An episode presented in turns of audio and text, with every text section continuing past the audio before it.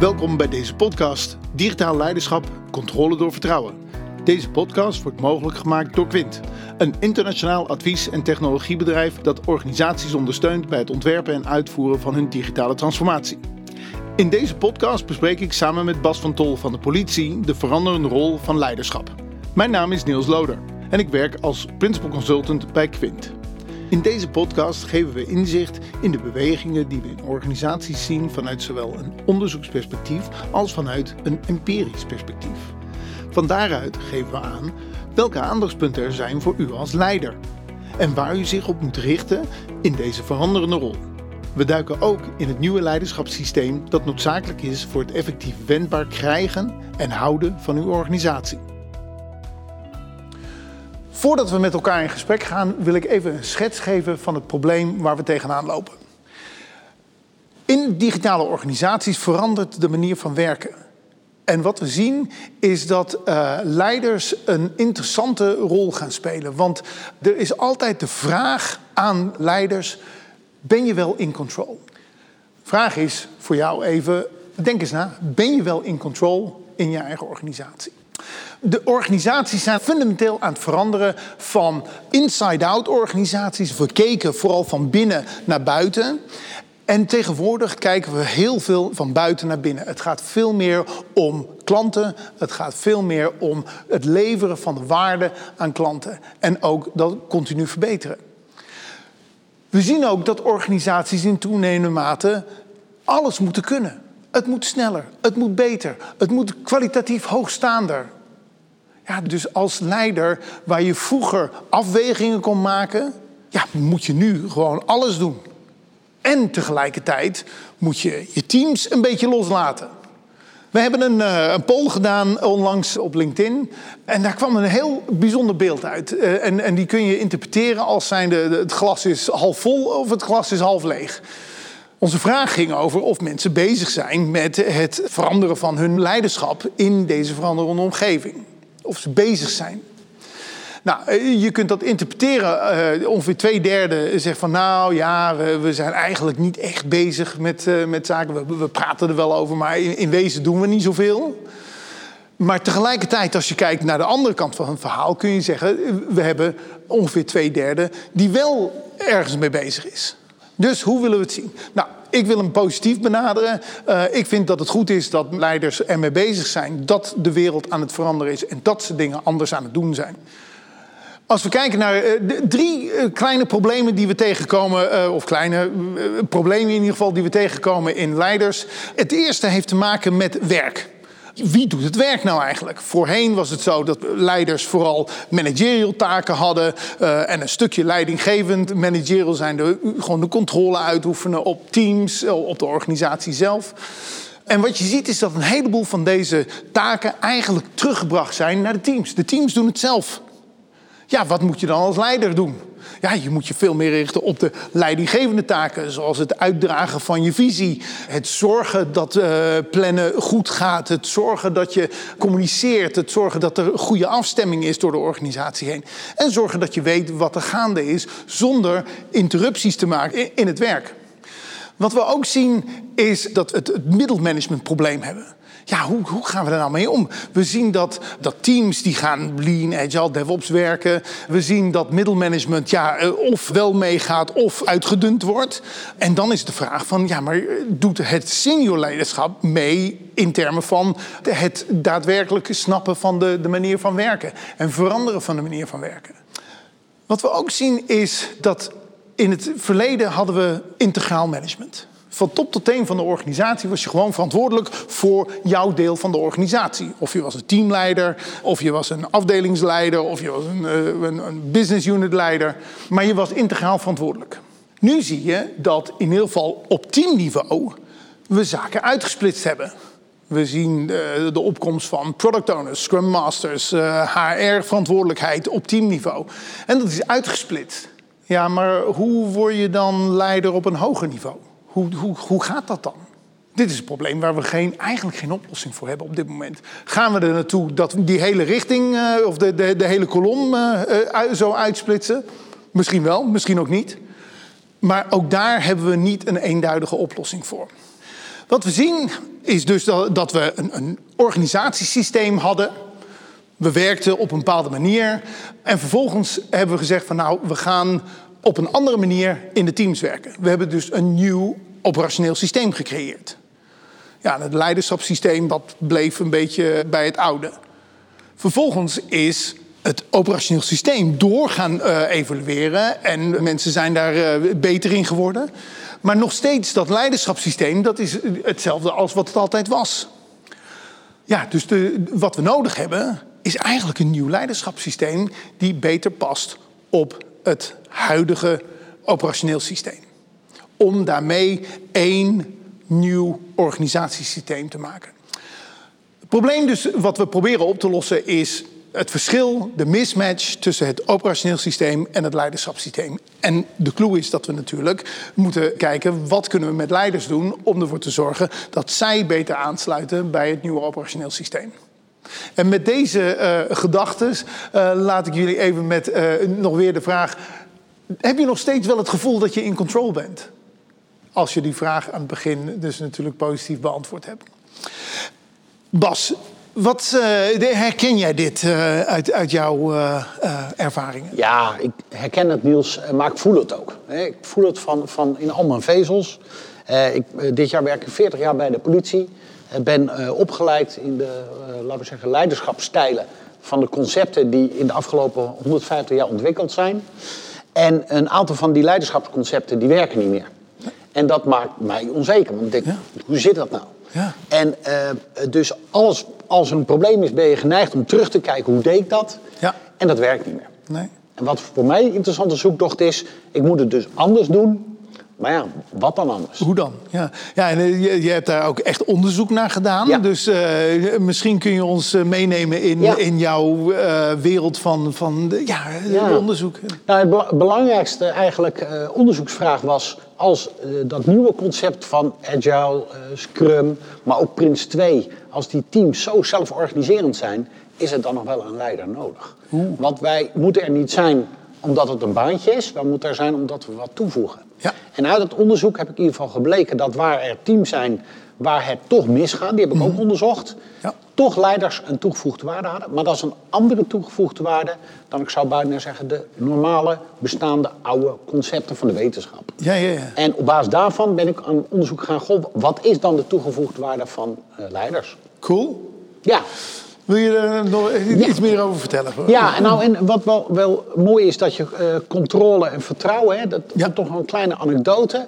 Uh, mijn vriendin heeft, uh, heeft een bijdrage gehad aan het opleiden van blinde geleidehonden. En je moet bedenken dat een blinde geleidehond en degene die visueel gehandicapt is, die moeten een vertrouwensband met elkaar hebben. Ja. Want aan de ene kant moet degene die visueel gehandicapt is tegen de hond zeggen van joh, vooraan, dus lijkt mij door de straat. Maar op het moment dat het op een perron is in een station en daar is een gat, uh, dat ziet die persoon niet. Dus die loopt dan dat gat in. En wat nou het bijzondere van die hond is, dat hij altijd luistert naar de baas.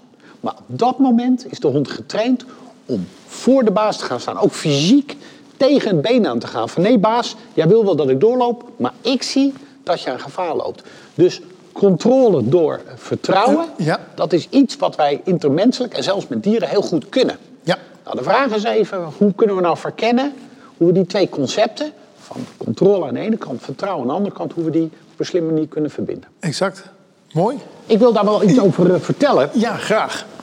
Ja, Niels, ik eh, neem daar even jullie even mee in mijn ontdekkingsreis over het leiderschap in deze andere digitale wereld en wat dan heet een digitale transformatie. Want uiteindelijk is nu dan de vraag, hoe dan? Wij kennen, dit is echt een, eh, een trending uh, term. Eigenlijk niemand weet het. En dat is ook logisch, want het is een andere, nieuwe situatie. Dus ja, daar geldt de regel, wie het weet mag het zeggen. Maar we kunnen niet terugstappen op oude leiderschapsconcepten. Die stammen nog uit de vorige periode van transformatie. Uh, nou, ik ben Bas van Tol. zoals jullie kunnen zien heb ik de mooie omstandigheid gehad... dat ik inmiddels bijna 40 jaar in een organisatie werk in de politie, eh, waar wij elke dag met ziel en zaligheid werken aan de veiligheid en eh, het aanpakken van criminaliteit in Nederland. En ik heb ongelooflijk veel de ruimte gekregen om in verschillende rollen politiewerk uit te voeren, maar ook daar leiding aan te geven. Of soms in crisissen, bij de mobiele eenheid. Maar ook gewoon als een, een, organisatie met wijkagenten, met familieregisseurs, die politiewerk aanpakt. En zoals Niels al zei, dat, dat leiderschap, als we niet weten wat dan anders is, dan moeten we daar een nieuwe balans in ontdekken. En wat blijkt nu, die digitalisering in het uh, leiderschap in de vorige fase was de informatie met name bij leiders. En de informatie die klopte ook. En wat is nu het nieuwe van die digitalisering? De informatie is bij iedereen. Maar door artificial intelligence en andere, allemaal andere ontwikkelingen is niet meer de informatie van uh, ja, wie, wie toetst nou of het klopt. Dus dat betekent dat leiders die altijd beslissingen namen op informatie, dat we zien dat die zelforganiserende teams eigenlijk zelf 90% van de beslissingen kunnen nemen. Jij gaf al aan die managerial taken, die zijn eigenlijk gewoon bij het team zelf neergelegd. En in mijn onderzoek heb ik wel onderzocht, is er dan nog leiderschap nodig? Want leiders zijn er niet omdat het een baantje is, die moeten wat toevoegen. Maar wat voegen ze nou uiteindelijk toe? En die verandering, dat die informatie nu met iedereen gedeeld is, dat besluiten heel erg veel worden genomen door het team zelf. Wat is dan nog de toegevoegde waarde van leidinggevende? En het ontdekken van een balans. Wij kennen dit allemaal als kind, hebben wij allemaal op de evenwichtsbalk gelopen. En Niels, je weet het ook. Als je op een evenwichtsbalk staat en je kijkt naar je voeten, val je er vanaf. Antropologisch is het dus slim. Wij kijken naar het puntje van de evenwichtsbalk. En zo ontdekken wij het nieuwe balans. En de rol van leiders is, je moet dus niet kijken naar het nu, je moet een beetje vooruit kijken. Niet te ver, want als je over de evenwichtsbalk naar het raam kijkt, dan val je er ook af. En die balans, dat kunnen we dus, antropologisch. En dat is echt een transformatie voor onszelf als leiders. En alle concepten die we allemaal geleerd hebben van Bernie Bess of Karel Wijk of van Van Minsberg of van, van, van Kofi. Daar moet je nu allemaal even kijken welke delen kan ik daarvan gebruiken en welke delen zijn eigenlijk anders. En als ik het nou even, hè, we hadden het over controle en beheersen, dat leiders misschien in de managerial rol wel zo'n zo'n afstandsbediening hadden. Ze konden op alle knopjes drukken, de budgetten, de voortgang, hoeveel werd er opgeleverd, hoe was het ziekteverzuim. En de vraag is even of we dit wel nog nodig hebben. Hmm. Moeten we niet misschien naar een veel eenvoudigere manier van leiderschap, wat zich richt op de echte toegevoegde waarde, zoals mijn schoonmoeder, die inmiddels overleden is, altijd zei, maar het gaat mij toch over hard en zacht. Welke programma's uit en aan, dat is voor mij voldoende om de tv te, aan te zetten. En dit heb ik, maakt het eigenlijk ingewikkeld voor me. Ja. Maar ja, dit hadden we zo mooi ontwikkeld met elkaar. en dan blijft dit over wat zijn we dan nog? En eigenlijk zijn we toch niet zo erg veranderd, Niels, in die 70.000 boeken. De boeken van Harari zeggen dat ook. Ja, wel wat veranderd, maar we hebben geen zes vingers en we hebben geen 30 eh, kilo hersenen. Dus antropologisch zijn we nog wel heel erg hetzelfde. En we doen een paar dingen toch een beetje slim met elkaar. En, en eigenlijk die antropologische vaardigheid van het opvoeden van een kind, wat het meest agile ingewikkeld is, maar waar je het beheersen ook het best toepast. want er is geen kind wat uh, zes jaar is en 10.000 euro zakgeld krijgt. Nee, dat, dus daar vinden we een hele mooie balans.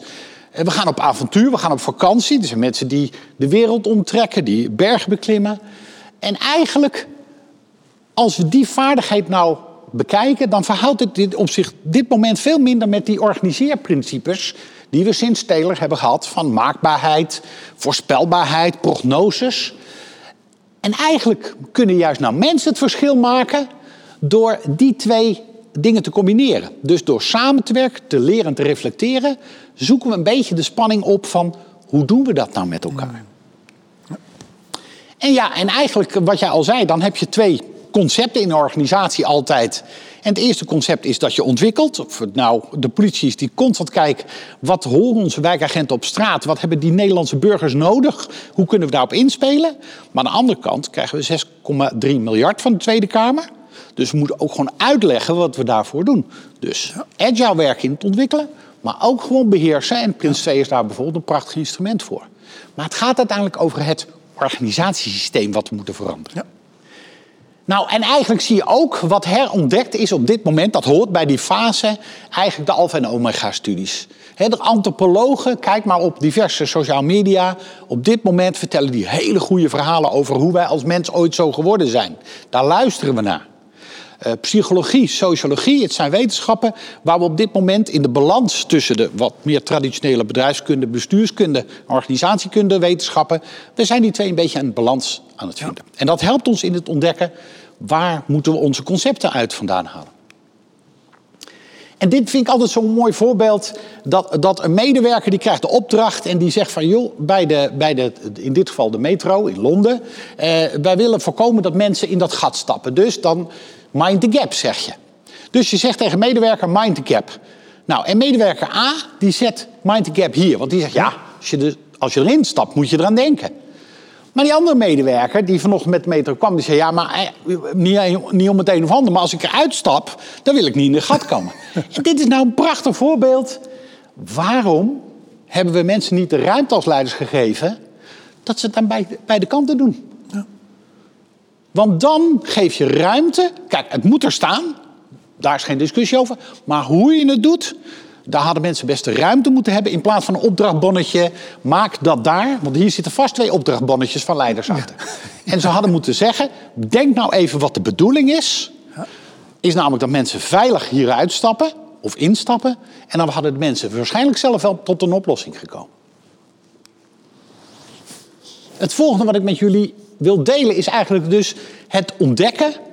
Uh, leren loslaten is dat.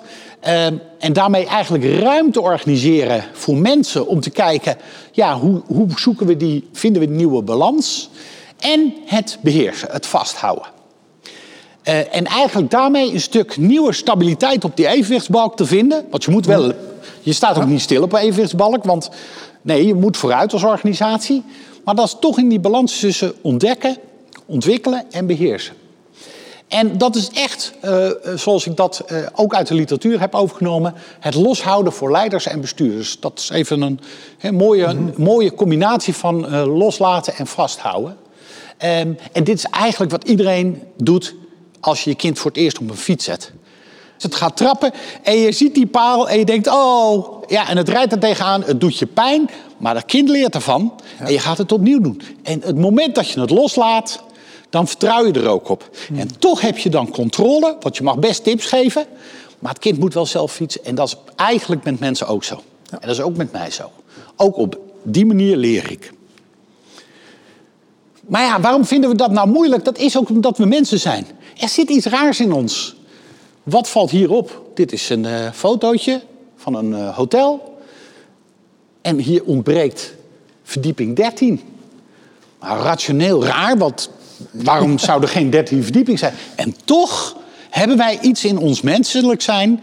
Daar maken we het verschil dat we denken: Nou, ik vind het toch niet fijn op een dertiende verdieping uh, mijn hotel te hebben. En dit maakt het zo moeilijk. En hoe kan je nou ontdekken? Dat is gewoon door te doen. Je kan op een evenwichtsbalk aan de voorkant staan en zeggen hoe een ander dat zou moeten doen. Maar als je er zelf op staat, dan leer je ervan. Val je er een keer vanaf, sta je opnieuw op, doe je het nog een keer. En dat betekent risico's nemen. En, en dat is mooi, door die uh, digitalisering kunnen we informatie delen. Over de hele wereld. Over de hele wereld kunnen wij kennis en inzicht delen. En dat is fantastisch. Dat duurde vroeger heel lang en dat gaat nu veel sneller. Dus in die ontdekkingsreis zijn er wel risico's, maar we hoeven ze helemaal niet te groot te maken. Maar risico's nemen, dat is wel wat leiders wel wat lastig soms vinden. Ja. Nou, ik uh, had al toegezegd dat ik uh, nog even een anekdote zou vertellen uit mijn eigen ervaring. En ik sluit dan ook af met een praktijkvoorbeeld hoe ik zelf die balans tussen ontwikkelen en beheersen heb ingevuld. Nou, dit is een foto van de ME. En uh, het is de afspraak dat je als ME-commandant, dat was ik in dit geval, zit je in het voertuig. En daarvoor geef je de commando's. En dat is ook logisch, want op het moment dat ik uit de auto ga en ik raak gewond, ja, dan is even de groep de commandant kwijt. Dus het is heel heel gebruikelijk, de commandant zit in het voertuig. Dat is de regel, dat is beheersing, dat is verstandig, hebben we afgesproken met elkaar. Maar er is ook iets van ontwikkelen. En dit was het moment dat we aan het peloton de opdracht gaven: u moet uw gasmasker opdoen. En uw gasmasker opdoen, dat is ter voorkoming dat als er traangas wordt gegooid, dat mensen van onszelf daarin last hebben. Maar werken met een gasmasker is heel zwaar. En op dat moment besloot ik zelf om uit het voertuig te komen, zelf aan het, de groep te laten zien, want iedereen zet hier zijn gasmasker op. Hè. Alle collega's gaan even achter een ander staan om het gasmasker op te zetten. En dat heb ik zelf ook gedaan, om te laten zien dat ook ik het zwaar heb. En dat is dan, er is een regel, maar je interpreteert hem zelf om even te laten zien, jongens, ik zie dat het zwaar is. Daarna ben ik wel weer in het voertuig gaan, maar ik heb mijn gasmasker opgehouden en zij hoorden ook, ook die commandant heeft het zwaar. En dat is wel een belangrijk deel van leiderschap wat je toevoegt. Ja. Nou, dit is een praktijkvoorbeeld. Met een groot aantal collega's hebben we in 2014 gezorgd dat alle IT-systemen van de politie, als het gaat over salarisbetalingen, allemaal in een beperkt aantal systemen werden gebracht. Nou, uh, u weet het, uh, salarissen dat is een belangrijk element voor mensen, daar kunnen ze op vertrouwen. En dat is ons gelukt. Maar waarom lukt ons dat nu? Omdat toen we dat gingen organiseren, er moesten heel veel velden worden omgezet uit die oude systemen naar een beperkt aantal systemen. En ik merkte dat ze allemaal in onzekerheid mijn kamer opkwamen. En met allemaal vragen. En toen schreef ik op het whiteboard, ik wist al dat ze binnenkwamen en dan schreef ik op, goh, hoe los je het op? Dus iemand kwam binnen, Mariska, die deed dat hartstikke goed. Joh, kijk even naar het bord. En toen zei ze, ach, ja, hm, nou, ik weet het eigenlijk alweer. En dan ging ze weg. En gedurende die weken schreef een aantal collega's zelf tekst hieronder. Uh, wat is jouw idee? Of wat heb je nodig? Dat zie je, dat zijn ook andere handschriften. Wat heb je er zelf aan gedaan? En het mooie was, doordat ik dit uitstraalde van... pak zelf je verantwoordelijkheid, je kan het zelf beslissen. Ik steun je, ik geef je de ruimte. Hoe los je het op? Eigenlijk kwamen ze binnen, ze keken en ze konden verder. En toen ontdekte ik eigenlijk op een natuurlijke manier dat we op deze manier aan het loshouden waren. Het laatste onderdeel, dat is wel cruciaal, is ook een antropologische leerschool, is dat wij. Eh, alleen ga je sneller. Ja, dat is logisch. Hoef je niet samen te werken, maak je meters. Maar loop je wel een risico. En in deze periode van het zoeken van de nieuwe balans tussen ontdekken, beheersen en uh, nieuwe stijl van leiderschap, toegevoegde waarde van leiderschap. Maar samen kom je verder. En ook hiervan, dit wisten we eigenlijk al. Deze uh, ganzen die vliegen samen en komen een derde verder doordat ze dat samen doen. En waarom? Ze wisselen aan de voorkant het leiderschap. Wie vliegt er vooraan, wie achteraan. Ze stoppen even als er eentje moe wordt. Dus ook dat zou mijn advies zijn, pak dat samen zelf op. En uiteindelijk, en dan sluit ik ook af, wat is dan de essentie van leiderschap? En dat is ook al eerder met elkaar vastgesteld, maar het wordt nu, dat anders kan je heel mooi spiegelen aan dit, is dat je eigenlijk gewoon kansen en ruimte creëert en uit de weg gaat dat is wel belangrijk om dat te zeggen. Zet je mensen vooraan, laat ze het zelf organiseren. Maar het is niet zo dat je weg kan gaan, want als het spannend in de groep wordt, dan is er een leider nodig die op de achtergrond praktische en emotionele ondersteuning geeft. En dat is de nieuwe toegevoegde uh, waarde van leiderschap: het ontdekken van die balans tussen ontwikkelen en beheer. Hey Bas, eh, dankjewel voor je verhaal. Een van de dingen wat ik even met je wil uh, onderzoeken is... in jouw verhaal hoor ik heel veel over leren eigenlijk. Wat is jouw ervaring met, met leiders die leren of, of niet? Hoe, hoe zit dat? Nou, ik, ik hou het altijd het liefst een beetje bij mezelf. Ja. Uh, want ik vind leren echt wel lastig. Ja. Ik ben opgeleid in je leert aan de voorkant, dan pas je het toe... en een leider weet hoe het zit. Ja. En dan is eigenlijk leren lastig, want dat voelt dan een beetje van, uh, ik weet het niet.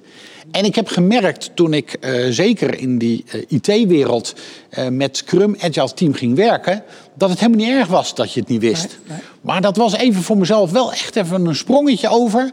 Dat als een team aan mij vroeg, God Bas, wat is de oplossing? Dat ik moest leren, ik weet het eigenlijk niet, ja. maar zullen we samen op ontdekkingsreis gaan? Ja. Dus die onzekerheid bij mijzelf, die heb ik wel ervaren bij mezelf, maar ook bij anderen. Maar om dat met elkaar te delen, dan bleek dat zo'n team eigenlijk wel heel mild was hoe je daarmee omging. En op een of andere manier kwamen we dan in een andere soort cadans met elkaar dat ze accepteren dat ik dingen niet wist. Maar dat ik ook bij dat leren me toch prettiger ging voelen. Omdat leren en beoordelen, dat, dat zit natuurlijk toch altijd wat dicht bij elkaar. Althans in mijn leidinggevende opleidingen tot nu toe. Ik merk dat, dat leiders het best wel lastig hebben op dit moment. In termen van. Ze moeten echt kiezen om iets nieuws te leren. En dat betekent uh, ja, soms in de boeken, soms in een klas met elkaar zitten. Uh, of, of in een, een lokaal gewoon even ja, die, die, die nieuwe ideeën um, toch met elkaar delen. En kijken van hoe, hoe gaan we dit nu in hemelsnaam doen. En ik merk dat, dat een heleboel leiders dat, dat ontwend zijn eigenlijk. Ja. En, en ze hebben eigenlijk een driedubbele opgave. Ze moeten het zelf leren. Ja. Ze moeten dat anders leren overdragen. Ja. En twee, ze zijn systeemverantwoordelijk voor het organisatiesysteem, wat jij zei. Dus ook voor die transformatie. En leiders hebben dus eigenlijk een driedubbele leeropgave. Ja. Aan de andere kant roep ik, dat is nou net de toegevoegde waarde dat je als leider dat behoort te kunnen. En dat je daarin de stap vooruit zet. Want dat mag je niet van het team verwachten. Die match tussen dat organisatiesysteem en die andere stijl van leiderschap is ook onze verantwoordelijkheid om daar de verandering in te doen. Ja, en dat maakt mensen uh, onzeker, want dan heb je een driedubbele leeropgave ja. tegelijk. Ja, ik ben blij dat je dat zegt. Dat is eh, exact mijn ervaring in de, bij, uh, bij organisaties waar ik over de vloer kom. Dan zie je inderdaad dat, dat, dat er is die, die, die worsteling met, met uh, je, je persoonlijk leiderschap. Maar je weet, wat ontzettend belangrijk is in, in deze organisaties... is dat we leiders, nieuwe leiders opleiden. Dat we helpen, ze helpen om op een andere manier zaken te doen. En daarvoor heb je dus een afspraak nodig met elkaar van hoe gaan we dit nu doen. En wat het als laatste nog complexer maakt, is dat we inmiddels ook digitaal werken. Op afstand. Ja. Dus we missen communicatie. We missen non-verbale communicatie. Ja. Maar ik doe zelf met een aantal mensen in mijn privé-tijd een computerspel op afstand met elkaar. Een Nederlandse groep is dat. En die mensen ken ik niet, maar via dat computerspel geef ik samen met uh, andere leiding aan een grote groep mensen. En toch hebben we daar een manier ook gevonden dat, ondanks dat je mensen niet persoonlijk kent, maar alleen via stem of soms via beeld, dat je toch op die manier die digitale transformatie kan gebruiken om op basis van deze principes lijn te geven. En dat werkt eigenlijk heel goed. Ja, klopt. Je bent helemaal gelijk. De, de laatste twee jaar, zeker met, met corona, is, is, is echt wel lastig geweest voor, voor leiders om een nieuwe balans te vinden. Klopt. Een van de, de belangrijke kenmerken van het, het nieuwe leidinggeven is dat je toch interacteert met de mensen. Veel meer uh, uit je kantoor naar de werkvloer. Even observeren, wat gebeurt er nou? Wat voor gedrag zie ik? En de, daar is uh, deze digitale uh, wereld, is daar toch, heeft het toch lastig gemaakt. Is echt lastig. En ik denk dat dat in de komende tijd er nieuwe tools wel zullen komen die ons daar beter bij helpen. Maar het blijft, blijft lastig. Ja. Als we even kijken naar het onderzoek wat, wat wij dan uh, meer empirisch gedaan hebben. Jij, Ja. hebt echt ook uh, wetenschappelijk onderzocht. Wij zijn gaan kijken naar hoe is de, de ontwikkeling van, van leiderschap geweest in de loop der jaren? Nou, als je kijk, terugkijkt, begin 20e eeuw heb je dan een Fransman Henri Veol die dan uh, denkt van, nou ja, er zijn vijf dingen die leiders doen. Nou, daar staan ze. Dat is verder ontwikkeld en dan krijg je andere woorden, dingen zoals controlling en commanding en coordinating. Dat soort woorden, ja, waar we nu jeuk van krijgen eigenlijk. dus eigenlijk zijn we een aantal jaar geleden met elkaar gaan zitten en kijken van, ja, maar welke woorden horen nu bij leiding geven in de 21ste eeuw? En we zijn tot, uh, tot een, een, een set woorden gekomen waarbij we meer richten op, meer duidelijk richten op leiderschapsactiviteiten. Uh, vervolgens zijn we terug gaan kijken van ja, maar waarom doe je nou leiderschap? En die leiderschap is bedoeld om ervoor te zorgen dat we waarde leveren aan onze klanten.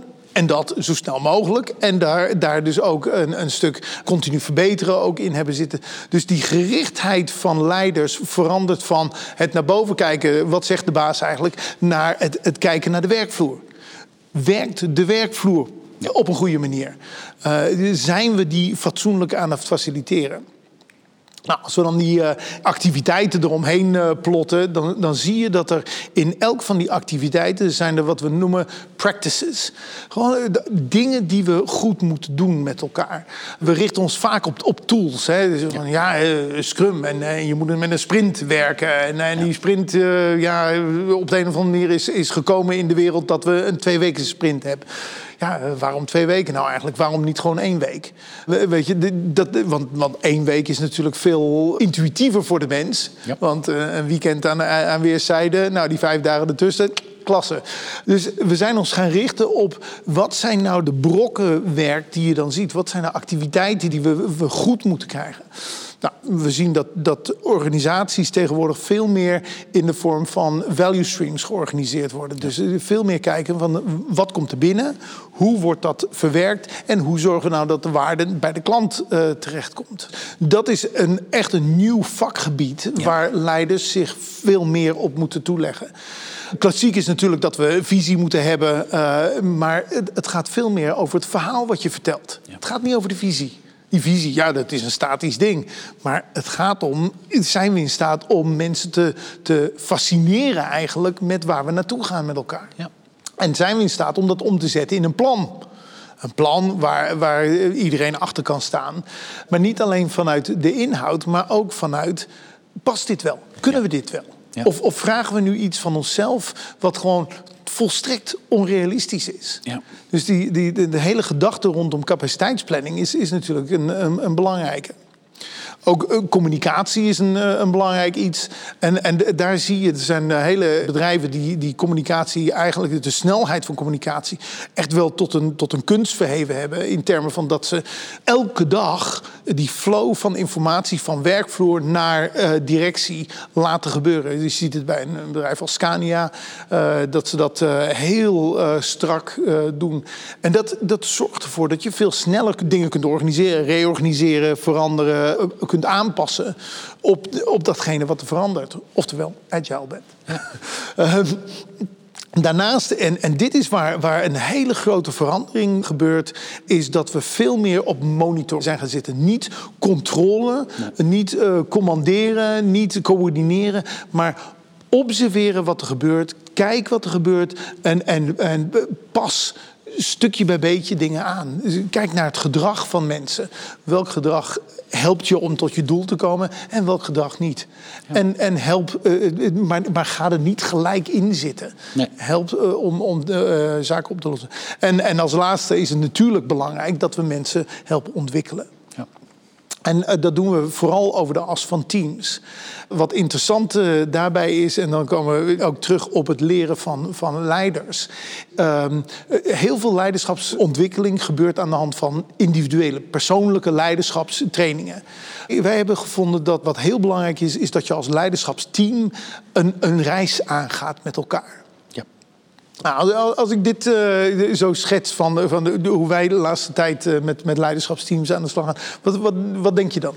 Ja, ik herken dat. En bij uh, in ieder geval mijn organisatie, wij zijn op ons best in de crisis. Ja. Want daar gaat het om leven en dood. Of het gaat om mensen veilig laten voelen. En dan is er nooit een discussie over wie de leider is. Dan gaat het team aan de slag.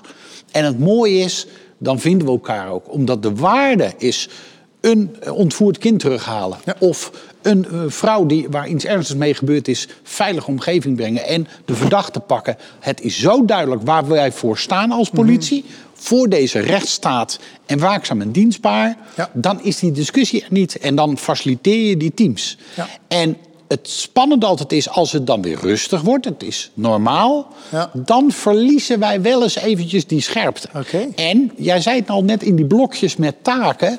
Kijk, als een leider de hele dag uh, vroeger managerial dingen aan doen was, maar een deel van zijn tijd leider, moet je als leider oppassen dat nu dat managerial deel niet weg is, dat je je hele dag in die monitoring, want dat vind ik een mooie, maar niet micromanagement nee, gaat zitten.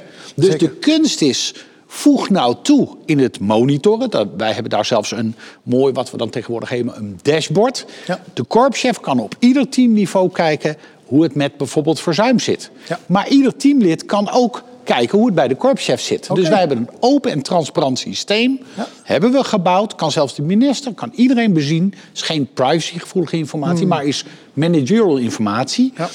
Maar dat betekent dat je je taken en je tijd dus anders moet gaan invullen. Ja. Nou, en die zoektocht, daar ben ik eerlijk in. Nou, ik denk dat het. We praten hier echt over een transitie van misschien wel 20, 30 jaar nog. Ja. Nou, gun elkaar en wees ook een beetje mild naar elkaar. Dat we niet gelijk in de beoordeling zitten, maar dat we samen op ontdekkingsreis zijn. Dan nog moet je resultaten halen. Wij moeten gewoon op opsporingshandelingen doen, oplossingspercentage aanleveren. Dat is de kern van ons zijn. Maar we moeten mild zijn in het leerproces. Ja. en soms kost dat even wat meer geld en wat meer ontwikkeltijd. Laten we daar een beetje milder met elkaar zijn. Inderdaad, je, je komt gewoon uh, samen verder, wat je al zei. En, ja, je gaat fouten maken. Ja, je gaat leren hoe het, hoe het beter kan. Maar als je die stappen niet neemt, dan bega je echt de grote fout. Ja.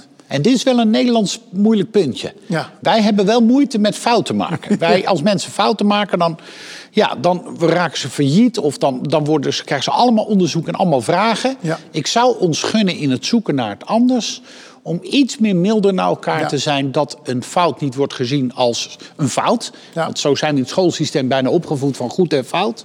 Uh, laten we dat gewoon milder benoemen, ook in taal, dat we gaan voor een waarde, we gaan voor een resultaat, ja. maar we doen dat wel lerende wijs en daar hoort bij ontdekken en dan hoeven we niet sorry tegen elkaar te zeggen. Dan zeggen we gewoon, joh, we leren met elkaar. En dat doen die zwanen trouwens, of die ganzen doen het ook samen. Die zeggen geen sorry tegen elkaar. Nee, als eentje moe wordt omdat hij net even te weinig heeft gegeten... gaat niet de groep zeggen, nou jammer voor jou.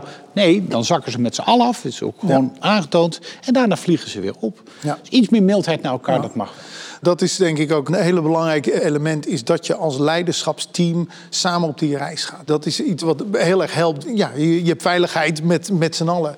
Wat ik mooi vind aan, aan je verhaal, de politie heeft gewoon zo'n hele duidelijke visie, missie, purpose eigenlijk. Dus soms bij, bij organisaties zie je dat dat toch een beetje diffuser is. En, en dan is het lastiger om voor leiders om ergens achter te gaan staan. En dat echt, als het moeilijk wordt, ineens zeggen: nee, ja, hier staan we voor. En dit is wat we proberen te realiseren. Ja, maar ik moet zeggen, eh, als mensen met passie voor iets gaan, en bij ons, je hoeft niet tegen een agent te zeggen dat als de rellen op straat zijn, wil je nu in dienst komen. Dan komen ze in dienst. Ja. Dat is fantastisch. Maar er zit passie in ieder mens. Ja, exact. Dus het ontdekken van je eigen passie. Niemand staat ochtends op om te zeggen... nou, wat ga ik vandaag eens even helemaal de boel... ja, eigenlijk niks doen. Nee, iemand wil energie toevoegen. Ja. En dat maakt dan niet uit of dat voor een commercieel bedrijf... of voor een gemeente of voor... iedereen heeft passie, antropologisch in ons. En tweede, het verschil tussen ons en sommige andere zoogdieren... en dieren in het algemeen is... dat wij toch we willen samenwerken. We hebben wat voor elkaar over. Het YouTube-filmpje waar je ziet dat er iemand onder een auto ligt en drie mensen een brandende auto optillen, wat eigenlijk fysiek onmogelijk is, ja. met gevaar van eigen leven doen. Dat zijn geen agenten, dat zijn gewone mensen. En het leiderschap zou in mijn beleving moeten zijn om het belichten van dat soort gedrag. In plaats van, nou, kom nog eens met een nieuw rapport. Want eigenlijk is dat je eigen onzekerheid kleiner willen maken. Ja. Ja, en op de, op de balans, ook als leiderschap, je moet leren omgaan met de onzekerheid. Maar het delen met het team, dat is wel iets wat ik meer geleerd heb. En ik merk naarmate ik zelf daar kwetsbaarder in ben, voelt het team zich ook man verantwoordelijk aan mij om mij meer aan te spreken op van goh, nu bemoei je wel een beetje te veel met ons of laat me even met rust. Ja. Daar sta ik nu wel veel meer open voor als ik dat vergelijk met tien jaar geleden om daarop aan te sluiten. Mensen doen eigenlijk al hun best. Demming zei dat al lang. Het gaat om het systeem. En leiders zijn degene die dus het systeem kunnen veranderen. Ja. Ehm, mijn ervaring is dat leiders toch ook een beetje anders leren. Ehm, ze moeten echt uh, tijd reserveren. Uh, drukke agenda's. Ehm, dat alleen al is een lastig verhaal. Nou, vervolgens uh, moeten ze een tempo met elkaar afspreken. Wat je ziet is dat ze soms hard van stapel lopen. En dan dat niet volhouden houden. Maar dan ook uh, zeggen van oké, nou als we afspreken dat we één keer in de twee weken een meeting met elkaar hebben om te praten over ons leiderschapssysteem, dan doen we dat ook. En niet van oh ja, nou, ik vind iets anders belangrijker. Want dit is belangrijk. Dit, is, dit gaat over je organisatie. Het gaat om leren. En, en je moet ook accepteren dat, dat je moet leren. En, en, daar zit ook een stuk, nou ja, ook in jouw verhaal, zeggen van, eh, het, is niet altijd even makkelijk voor leiders om te accepteren dat ze het niet weten. Dat ze het antwoord uh, op, vragen niet weten. En het, het gaat erom dat, ze, dat je het samen doet. Um, dat, dat is voor mij ook de essentie van, van wat ik zie in leiderschapsteams. Ja.